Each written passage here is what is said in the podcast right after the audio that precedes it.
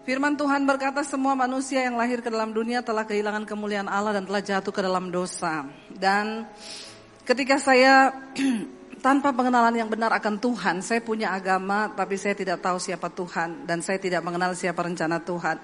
Jangankan mengerti rencana Tuhan dalam hidup saya, mengenal Tuhan aja saya tidak tahu, tapi saya punya agama.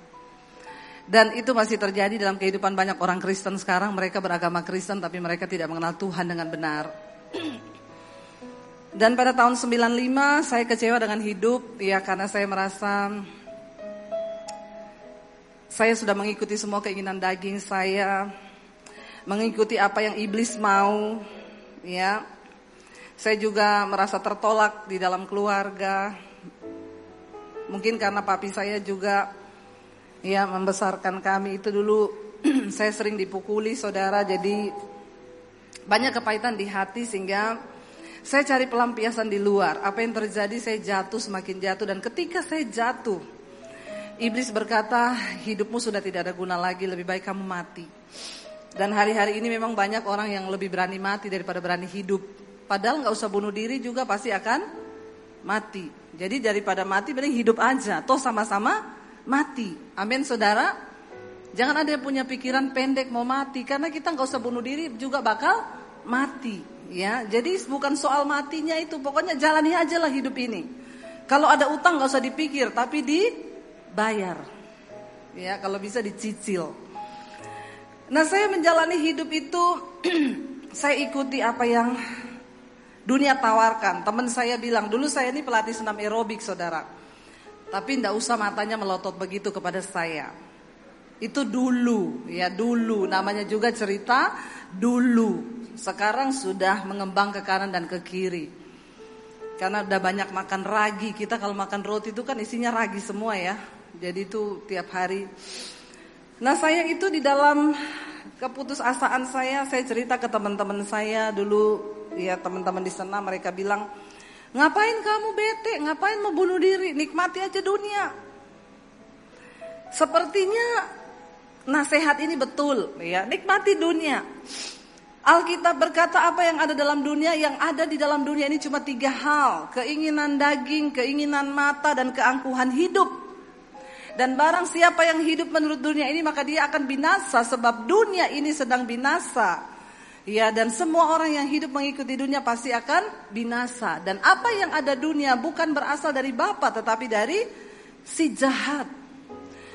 Nah keinginan daging, keinginan mata, keangkuhan hidup Ini bukan berasal dari Bapa tetapi dari setan. Makanya saudara jangan terlalu mencintai dunia dan semua apa yang ada di dalamnya. Mari kita mengejar perkenanan Tuhan, amin. Keinginan daging itu apa? Galatia pasal 5 berkata keinginan daging itu telah nyata percabulan, kenajisan, hawa nafsu, nafsu jahat, iri hati, kebencian, dendam, amarah, pertikaian, perpecahan, roh pemecah belah, kedengkian, itu semua yang ada dalam daging kita dan barang siapa hidup menurut daging, engkau akan mati binasa. Tetapi jika oleh roh engkau mematikan perbuatan dagingmu, maka kamu akan hidup. Katakan amin. Jadi saudara, makanya saya bilang setan itu tidak pernah takut dengan orang Kristen yang rajin ke gereja. Setan nggak pernah takut dengan orang pelayanan. Setan nggak takut sama pemain musik. Setan nggak takut sama pengkhotbah. Setan takut kepada orang yang mau melakukan firman. Engkau ke gereja nggak ada perubahan, setan bilang nggak apa-apa, biarin aja dia ke gereja. Mau pelayanan sekalian juga silakan. Yang penting dia tetap hidup dalam kenajisan. Yang penting dia tetap bersinah. Yang penting dia tetap kepahitan. Yang penting dia iri hati, nggak masalah. Makanya saya berkata, Alkitab berkata dalam Yakobus, engkau percaya hanya ada satu Allah saja itu baik. Tapi setan juga percaya akan hal itu. Jadi kalau level iman kita cuma sampai dipercaya, setan juga percaya. Berarti iman kita satu level sama Dengar baik-baik ya, biar saudara bisa jawab. Setan percaya hanya ada satu Allah saja. Kita juga percaya hanya ada satu Allah saja. Jadi kalau kita cuma level imannya sampai dipercaya, berarti iman kita sama dengan imannya? Biasa aja ngomong setannya. Gak usah melirik sama saya, setan. Las, apa bedanya kita sama setan kalau kita cuma percaya toh? Alkitab berkata engkau percaya itu baik tapi setan juga percaya kepada nama Allah itu dan setan gemetar kepada nama Allah itu. Bedanya kita sama setan apa? Kita percaya kita melakukan firman. Setan percaya tapi setan tidak akan pernah mungkin melakukan firman Tuhan. Amin saudara. Makanya saudara hari-hari ini jangan tertipu yang bukan orang yang rajin ke gereja saja, bukan orang yang rajin pelayanan saja. Tapi lebih dari itu Tuhan mau kita mengalami perubahan hidup. Perubahan karakter. Ketika saya berjumpa Yesus, akhirnya saya mau bunuh diri.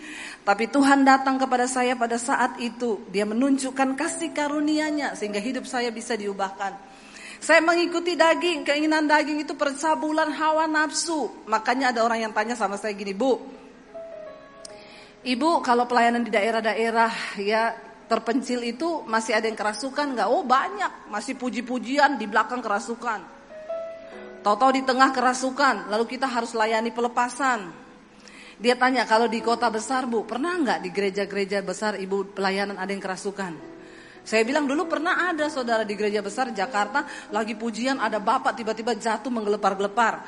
Saya langsung berdiri mau saya tengking saya doakan istrinya bilang tidak usah bu kenapa? Epilepsi. Oh saya pikir kerasukan. Ternyata epilepsi.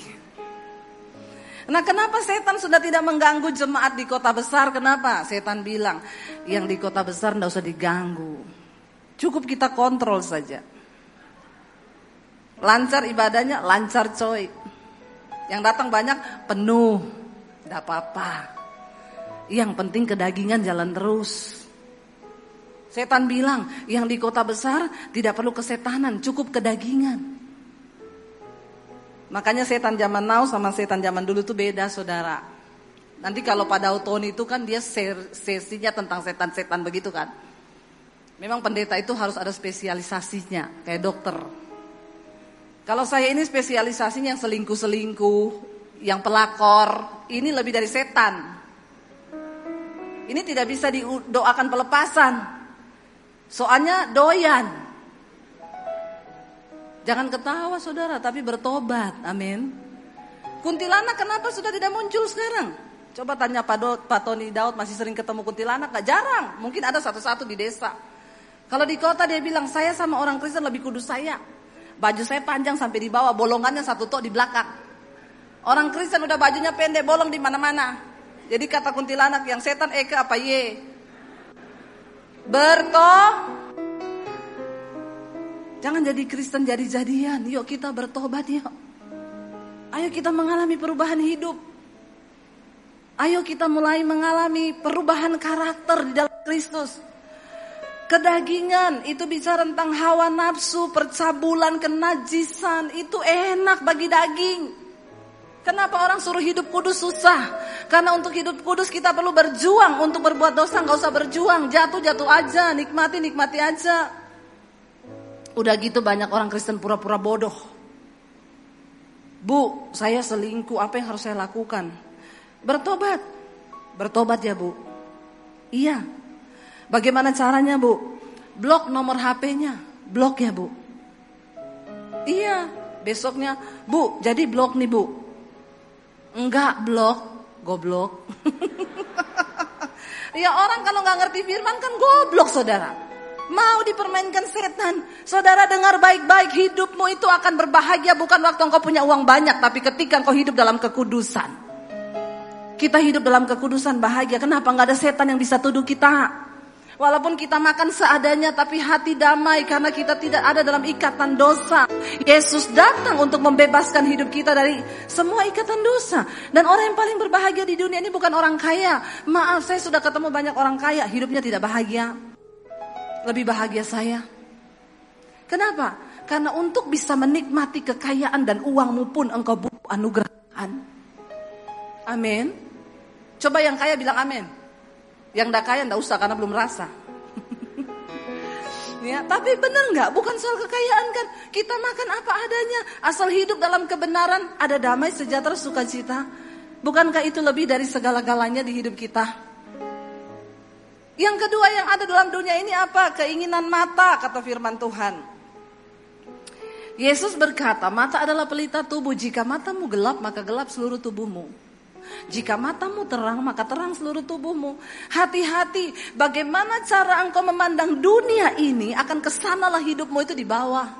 Mari kita memandang dunia ini sesuai dengan apa yang Alkitab katakan. Dunia ini hanya sementara. Kita nggak akan bawa pergi dunia ini. Yang namanya kematian sekarang itu berada sangat dekat dengan hidup kita. Benar nggak saudara?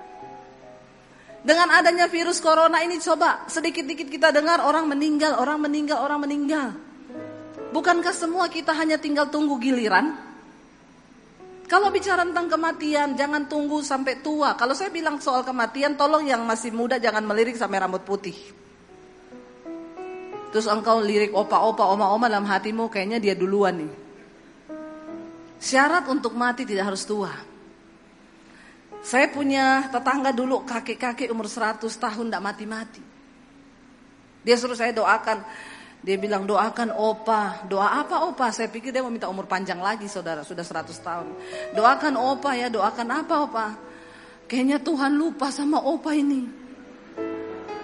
Enggak Tuhan dah lupa opa kenapa? Kenapa enggak dipanggil-panggil? 100 tahun loh. Saya berdoa buat dia. Berapa hari kemudian tetangganya mati 17 tahun. Dia bilang, itu harusnya jatah saya, kenapa dia yang ambil? Saya bilang itu jatahnya dia, opa. Ya, malaikat tidak mungkin salah alamat. Ada orang yang sampai sudah bosan hidup loh. Makanya kalau minta umur jangan terlalu panjang saudara. Saya sudah ketemu orang yang umur 100 tahun berapa, doanya cuma satu, Bu Pendeta apa doakan biar mati. Tapi kan saya tidak mungkin berdoa buat dia dalam nama Yesus, matilah kau. Ya kan tidak mungkin saudara. Saya ketemu satu orang ibu, Ibu Debi bisa khotbah di rumah saya.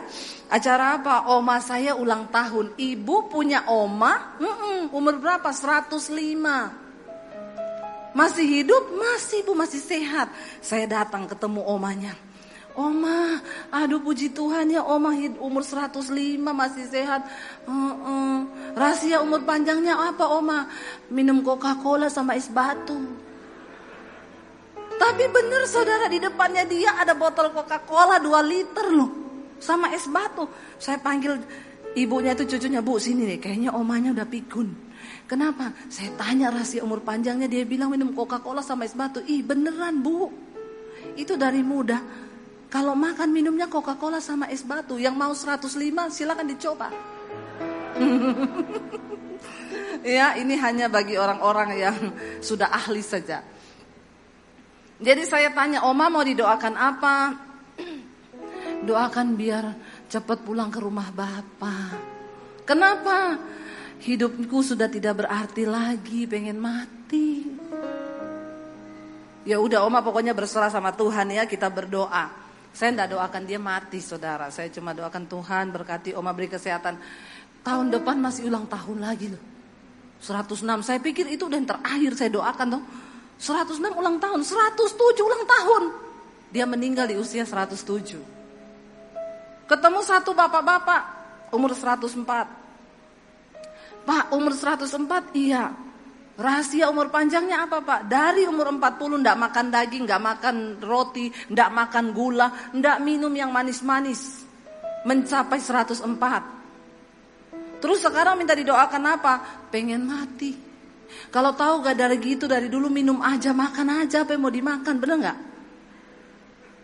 104 minta didoakan mati. Sayang kan udah ndak makan apa-apa dari muda.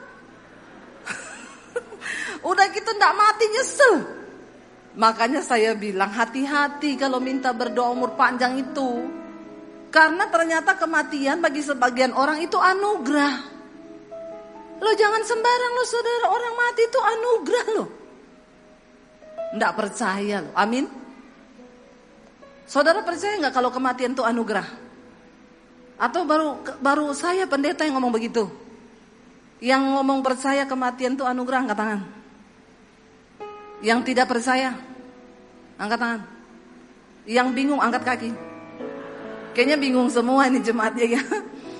Alkitab berkata mati itu untung di dalam Kristus. Hidup bagiku adalah Kristus, mati adalah sebuah keuntungan. Berapa banyak saudara yang sudah siap mati di sini? Wih, Bapak duluan angkat tangan, Pak, luar biasa, Pak. Malah Bapak nanti tidak mati-mati itu, Pak. Karena Bapak udah siap.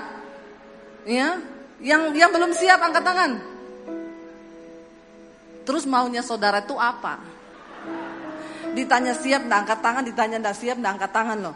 Eh dari saudara kita siap atau tidak siap? Kalau sudah waktunya pasti go. Daripada tidak siap lebih baik siap. Bagaimana mempersiapkan diri? Bukan pergi beli tanah di San Diego Hills.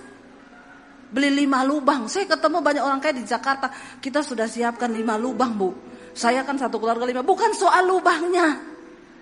Hidupmu tuh udah siap apa belum? Kita nih mau dikubur di mana aja nggak masalah. Tuhan nggak ditanya di absen di sorga. Kamu dari lubang mana? Rawa buaya. Oh di belakang sana kau. Yang San Diego Hills dulu. Nggak ada.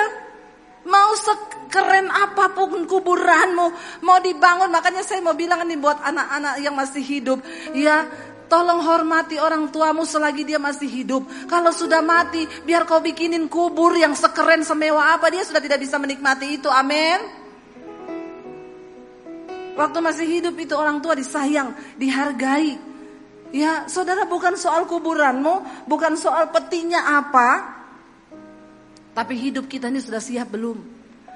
Kalau masih banyak kedagingan, hawa nafsu, amarah, kebencian, kepahitan, kekecewaan, engkau belum layak loh. Kalau engkau tidak bisa mengampuni orang yang bersalah padamu, engkau belum layak menghadap Tuhan. Lebih baik sekarang kita beres-beres sebelum dipanggil Tuhan, amin. Jangan ada kepahitan, jangan ada amarah, kebencian, apalagi kenajisan, percabulan. Aduh saudara. Saya berdoa jemaat di sini jemaat yang sudah lulus dari segala hal-hal yang seperti ini. Tidak ada lagi percabulan, perselingkuhan, bapak-bapak. Dengar baik-baik ya, waktu engkau masih susah dulu, yang menikmat, yang yang menemani kamu tuh istrimu dari kau masih susah. Saya tuh banyak menerima SMS sekarang konseling bu. Suami saya sekarang berubah. Dulu waktu masih miskin bu, dia setia kami sama-sama hidup bersama. Sekarang sudah diberkati, uangnya sudah miliaran bu. Dia punya perempuan lain. Apakah boleh saya meminta sama Tuhan bu, biar kita miskin lagi aja? Saya bilang iya, ndak apa-apa. Kadang-kadang suami tuh nggak tahu diri. Waktu kamu masih kere dulu yang menemanimu itu istrimu. Jangan sampai ketika engkau sudah diberkati terus engkau lupa diri meninggalkan istrimu sebagai teman pewaris kerajaan Allah. Dan sudah mulai main selingkuh di luar. Bertobat loh bapak-bapak. Amin. Waktu roh kudus menjamah hidup kita. Kemarin ada seorang bapak WA ke saya Bu Debi. Terima kasih Bu, saya nonton khotbah Ibu yang judulnya akibat dosa tersembunyi. Yang masih menyimpan dosa tersembunyi tolong nonton khotbah saya ini ketik di YouTube Debbie Basjir akibat dosa tersembunyi. Saya yakin Anda pasti tobat dan menghubungi nomor telepon saya di bawah ini. Nonton itu supaya saudara bisa bertobat. Orang-orang yang menonton itu sudah pada mengaku dosa, mulai dari yang homo, lesbi, yang simpan selingkuhan, mulai dari jemaat, pengerja, full timer, bahkan pendeta ada yang mengaku kepada saya. Lalu bapak itu bilang, Bu, terima kasih sayang. Waktu nonton khotbah ibu itu, saya tergerak untuk mengakui dosa saya. Saya 10 tahun lalu pernah berselingkuh. Tapi saya sudah bertobat, Bu. Nah, ketika saya bertobat sekarang nonton khotbah itu, saya ada tuduhan di hati apakah saya harus ngomong ke istri saya saya bilang, ndak usah dulu, yang penting Bapak sudah tobat. Kedua, Bapak sudah ngaku sama saya. Takutnya Bapak ngomong ke istri-istri ndak siap, malah bisa berantem. Oh begitu ya Bu, iya. Lalu dia hubungi saya lagi, Bu Dewi, saya nggak sejahtera Bu. Kayaknya harus saya harus ngomong ke istri ya sudah. Kalau memang Bapak merasa itu Bapak berdoa dulu, cari waktu yang tepat, hari yang tepat. Kalau perlu Bapak berpuasa supaya istrinya tidak syok. Iya Bu, Eh kemarin dia telepon saya Bu Debi. Akhirnya saya dapat waktu yang tepat. Saya minta tuntunan Tuhan. Saya doa buat istri, saya doa buat waktunya. Dapatlah waktu yang tepat. Saya ngaku sama istri semua saya ceritakan. Yang kaget bukan istri saya Bu, tapi saya. Kenapa? Karena ternyata istri saya juga pernah selingkuh. Akhirnya buka-bukaan. Mumpung kamu ngaku, saya juga mau ngaku. Tapi bukan itu yang terpenting. Tapi bu sekarang rumah tangga kami dibaharui oleh Tuhan. Kami sekarang hidup damai bersama. Kami dipulihkan karena Tuhan mengasihi rumah tangga kami. Saudara jangan berikan tempat bagi iblis di dalam keluarga kita. Jangan berikan tempat bagi setan dalam rumah tangga kita. Mari kita hidup di dalam kekudusan. Supaya anak cucu kita juga boleh mengalami berkat Tuhan. Kita hentikan kutuk sampai di keturunan kita. Ayo kita berjuang. Ketika saya mengikuti dunia, keinginan daging, keinginan mata, keangkuhan hidup, kesombongan. Orang itu makin kaya, makin sombong, makin kaya, makin namanya juga orang kaya sombong biasa, miskin sombong aja banyak. Jangan sombong. Istilahnya saudara, semua manusia itu punya bakat sombong. Tapi Alkitab berkata Tuhan menentang orang yang sombong. Saya mengikuti semua yang iblis tawarkan itu. Lalu saya jatuh, jatuh, jatuh, jatuh. Dan akhirnya saya berakhir pada saya mau bunuh diri tahun 95. Tapi karena begitu besar kasih Tuhan atas hidup saya, dia menyelamatkan saya. Tuhan datangi saya secara pribadi dan malam itu saya bertobat menerima Yesus. Hidup saya diubahkan. Singkat cerita, saya sembunyikan iman saya satu tahun. Tapi saya benar-benar mengalami perubahan hidup 180 derajat. Kalau berubah jangan 360 balik lagi. Cukup 180 saja. Saya berubah saudara. Dari segala hal Tuhan ubahkan saya. Sampai akhirnya saya harus mengaku di depan orang tua saya. Ketakutan terbesar di hidup saya adalah mengaku Yesus depan keluarga saya. Kenapa? Papi saya itu dari kecil saya sudah diwanti-wanti, jangan berteman dekat sama orang Kristen. Kalau kamu sampai jatuh cinta sama laki-laki Kristen, lebih baik papi masuk penjara, papi bunuh kamu daripada kamu bikin malu keluarga. Jadi saya tuh dari masih kecil, ya remaja, saya tuh nggak berani jatuh cinta sama laki-laki Kristen. Padahal yang ganteng-ganteng tuh cowok Kristen. Ada amin? yang sudah bertobat tentunya, yang tidak bertobat sama saja. Lalu saya harus mengaku Yesus depan keluarga saya, saya mengalami perubahan. Saudara dulu saya baca Alkitab tuh di kamar, sembunyi. Ya, dulu belum ada YouTube, belum ada handphone, belum ada Google. Mau tanya tentang kasih karunia di Google, ndak ada. Makanya saya mau bilang kalau sekarang ini saudara tidak bertumbuh dalam iman kebangetan. Kebangetan. Sekarang saudara mau cari pengajaran apa semua ada. Dulu saya handphone aja belum ada. Bacanya Alkitab saya sembunyi di bawah bantal, di bawah kasur, saya tumpukin pakai kain-kain jangan sampai ketahuan. Kadang saya harus baca Alkitab di kamar mandi. Tapi Alkitab berkata iman itu bertumbuh dari aniaya. Makanya sering-seringlah teraniaya. Supaya imanmu bertumbuh, amin. Yang belum teraniaya saya doakan supaya teraniaya. Lo itu Alkitabiah. Dan akhirnya saya mulai bertumbuh, saya baca Alkitab, hidup saya mulai berubah, saya mulai berubah. Sampai akhirnya satu tahun saya sembunyikan iman saya, ketahuan sama kakak saya, lalu dia ancam mau dilaporkan ke papi saya. Dan akhirnya saya bilang sama Tuhan, Tuhan Beri saya kekuatan, saya mengaku sendiri dengan hati orang percaya, dengan mulut dia mengaku dia dibenarkan dan diselamatkan. Saya menghadap papi saya, saya bilang papi saya mau ngomong, mau ngomong apa? Saya mau minta izin, mau ke mana? Ke gereja. Papi saya kaget.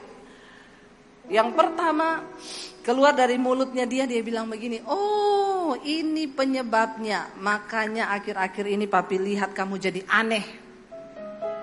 Semua orang yang berjumpa dengan Tuhan Yesus secara pribadi saya jamin pasti menjadi ah aneh. Pertanyaan saya sudah aneh kah saudara? Kenapa jadi aneh?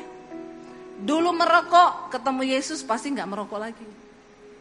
Nggak usah tanya ayatnya di mana bu dilarang merokok di pom bensin.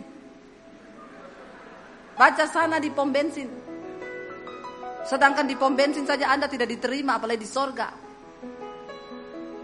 Saya pernah khotbah begini saudara waktu pulang dari gereja saya jalan lewati uh, mall, tiba-tiba dikejar jemaat. Dia teriak-teriak, Bu Debi, Bu Debi. Saya menoleh ke belakang, wih bapak-bapak orang Ambon sangar. Dia bilang, ibu, ibu tadi khotbah soal rokok toh? Iya, kenapa pak? Saya itu dari dulu paling tidak suka kalau pendeta itu khotbah-khotbah soal rokok. Emang yang beliin rokok saya, saya minta uang pendeta. Jadi bapak ini keberatannya di mana? Tapi tadi saya dengar ibu bilang, sedangkan di pom bensin kamu tidak diterima, apalagi di sorga. Itu saya pikir-pikir terus ibu. Ternyata sering kali khotbah tidak usah pakai bahasa-bahasa yang ribet saudara. Nggak usah pakai Ibrani Yunani. Dengan ngomong begitu aja ada yang nyantul loh. Saya pikir-pikir tadi sepanjang ibadah, betul juga ya. Sedangkan di pom bensin saya tidak diterima, apalagi di sorga. Terus dia bilang gini, ibu kalau begitu ibu doakan saya ibu supaya saya bisa cepat berhenti merokok. Ibu ada tips? Enggak ada. Kalau bapak pengen merokok, bapak hidupin rokoknya, puter apinya taruh bibir. Lakukan itu tiga kali sehari. Saya yakin Bapak berhenti merokok dengan cepat karena bibirmu melepuh. Loh saudara daripada Bapak dibakar di api neraka lebih baik Bapak kena api rokok. Dia bilang iya betul juga ya.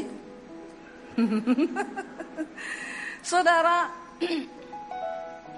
Berbicara tentang kekristenan, berbicara tentang bagaimana pergumulan kita melawan hawa nafsu, keinginan daging yang membinasakan kita dan menghalangi kita untuk bisa masuk di dalam perkenanan Tuhan.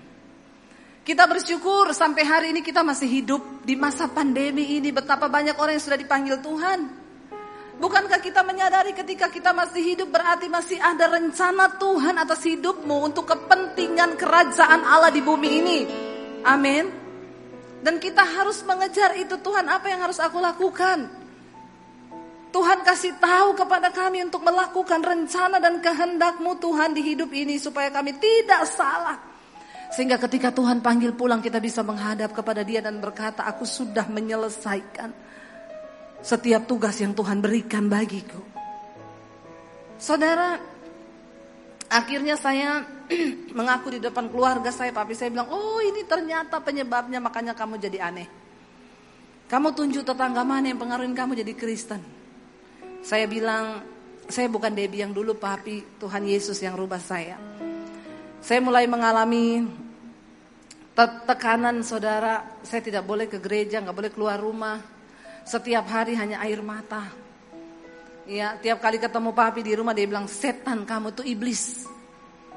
Saya cuma terus belajar melepaskan pengampunan dan orang yang pertama kali saya lepaskan pengampunan adalah keluarga saya sendiri.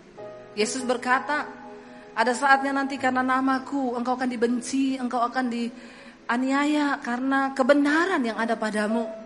Tapi aku sudah mengatakan ini kepadamu supaya kalau itu terjadi kamu jangan menolak aku. Lalu akhirnya saya mengalami satu tahun dan saya belajar melepaskan pengampunan pertama kali yaitu keluarga saya sendiri. Kenapa? Karena pengampunan yang terberat itu adalah mengampuni orang yang terdekat. Orang yang terdekat dengan kita lah yang bisa menyebabkan kita kepahitan.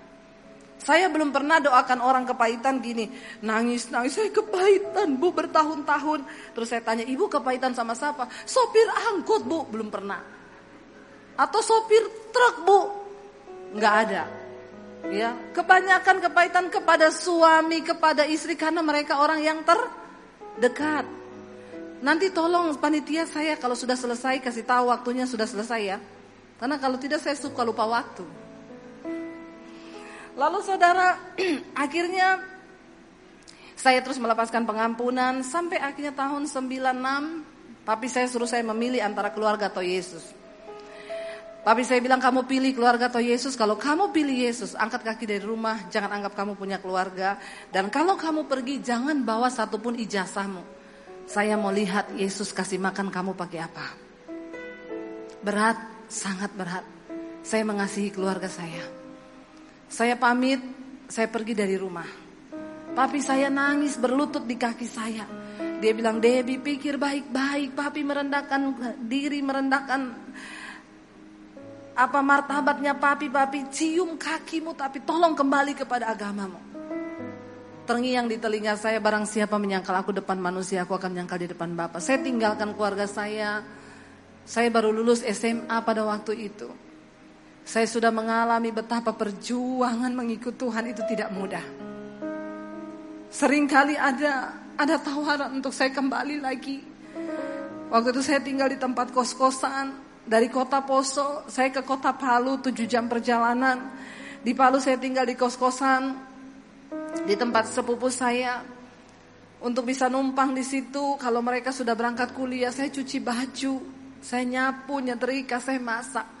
Seringkali iblis ngomong, goblok ikut Yesus jadi pembantu. Balik ke keluargamu, tinggalkan Yesusmu. Tapi saya cuma bisa berkata iblis, aku telah dibeli dan hargaku lunas dibayar dan hidupku bukan milikku lagi.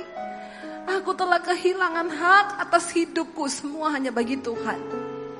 Saya diproses Tuhan satu tahun untuk mematikan kedagingan, keakuan saya. Dulu saya sombong, dulu saya angku dan itu harus diproses untuk menjadi hamba Tuhan itu tidak mudah. Makanya kalaupun ada yang hamba Tuhan jadi-jadian pasti akan diproses Tuhan. Karena kita mengkotbahkan sesuatu kita harus mengalami dulu. Baru bisa kita ngomong Tuhan itu baik. Ada begitu banyak tawaran untuk saya meninggalkan Yesus.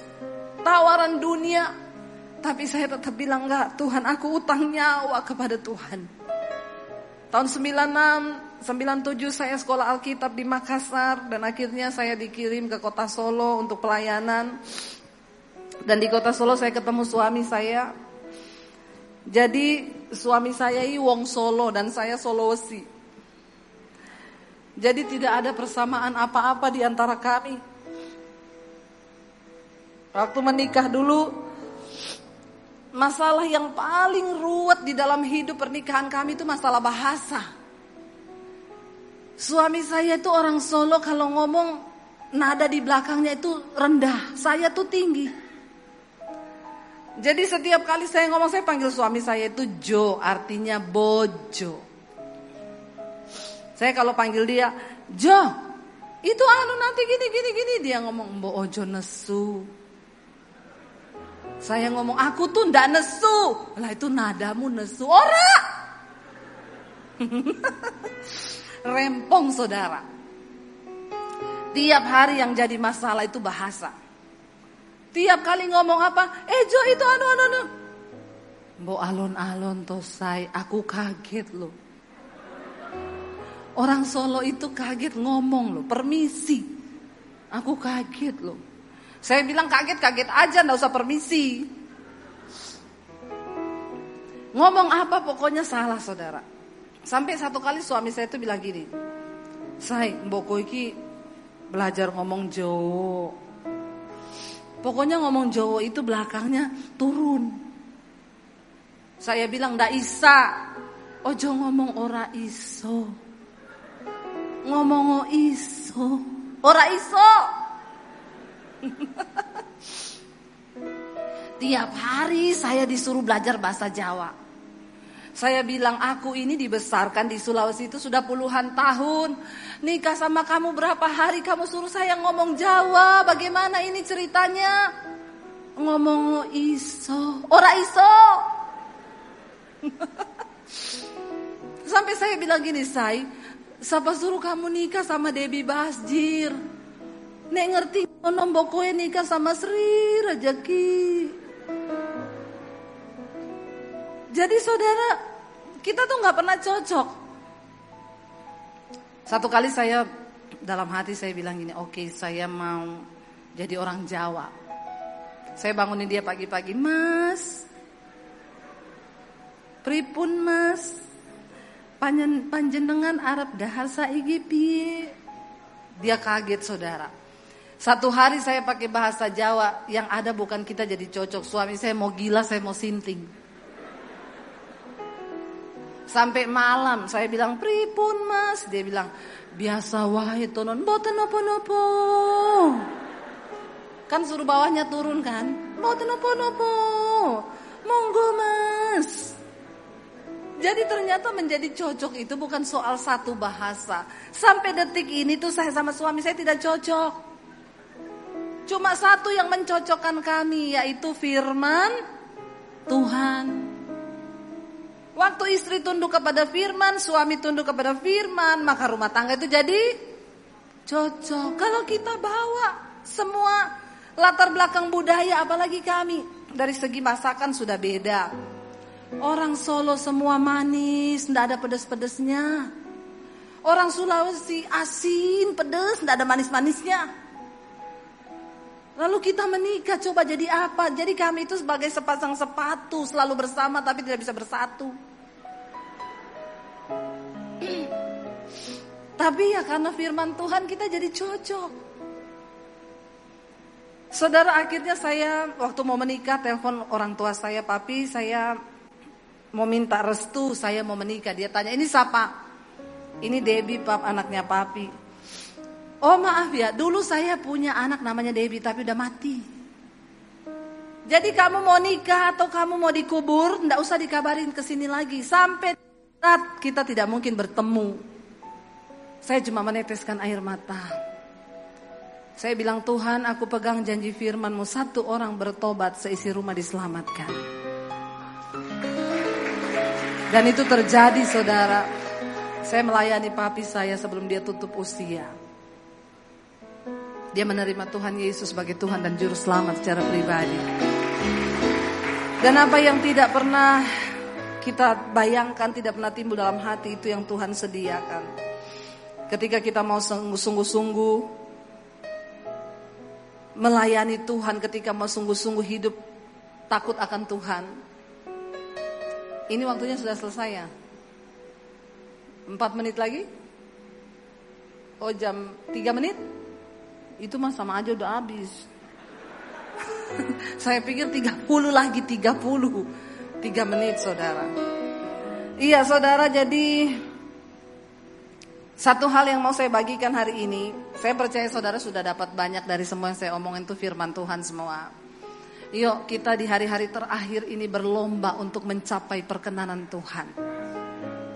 Nanti saudara yang masih rindu mendengarkan khotbah-khotbah saya di channel saya Debbie Basir TV, tolong like, komen, dan share. Jangan lupa subscribe. oh iya, saya ada bawa CD album Mesbah Doa. Itu lagu-lagu yang saya ciptakan sendiri dan saya nyanyi sendiri sama anak-anak saya dan yang main musiknya suami saya sendiri loh. Apa ndak hebat itu? Semua sendiri. Tapi Tuhan itu cuma terbatas di belakang. Saudara nanti bisa dapatkan gratis hanya ganti ongkos cetak 50 ribu. Saudara saya mengucap syukur apa yang Tuhan buat. Ya sampai hari ini saya mau bilang tidak pernah menyesal saya ikut Yesus. Tuhan adalah Tuhan yang luar biasa. Ya, dia berjanji bahkan saudara tidak perlu takut, jaminan kekekalan. Bahkan saya mati sekarang pun tidak ada keraguan. Saya pernah tidur nyenyak, nyenyak banget. Lalu ada suara yang bilang begini, kalau kamu lanjutkan tidur ini kamu mati loh. Tapi saya rasanya nggak pengen bangun. Karena tidur itu enak banget. Saudara tahu apa yang membuat saya harus bangun? Saya ingat anak saya masih kecil. Kalau suami saya kawin lagi celaka saya bangun langsung saudara. Jadi ternyata cinta bisa membuat kita bangun lagi. Tapi kematian di dalam Kristus itu luar biasa. Jadi jangan ada yang kau takuti. Hari-hari ini jangan mau diintimidasi sama roh ketakutan corona, corona, corona tiap hari yang coba dipikir corona.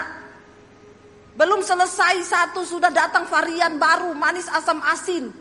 Yang mati sekian sekian, tidak usah diterusin terusin berita yang kayak begitu. Mending saudara terusin firman Tuhan, amin. Kita patahkan roh ketakutan hari-hari ini. Saya percaya Tuhan akan pakai hidup kita untuk menyelamatkan jiwa-jiwa dan tuayan yang sudah menguning di sekelilingmu menguning saudara.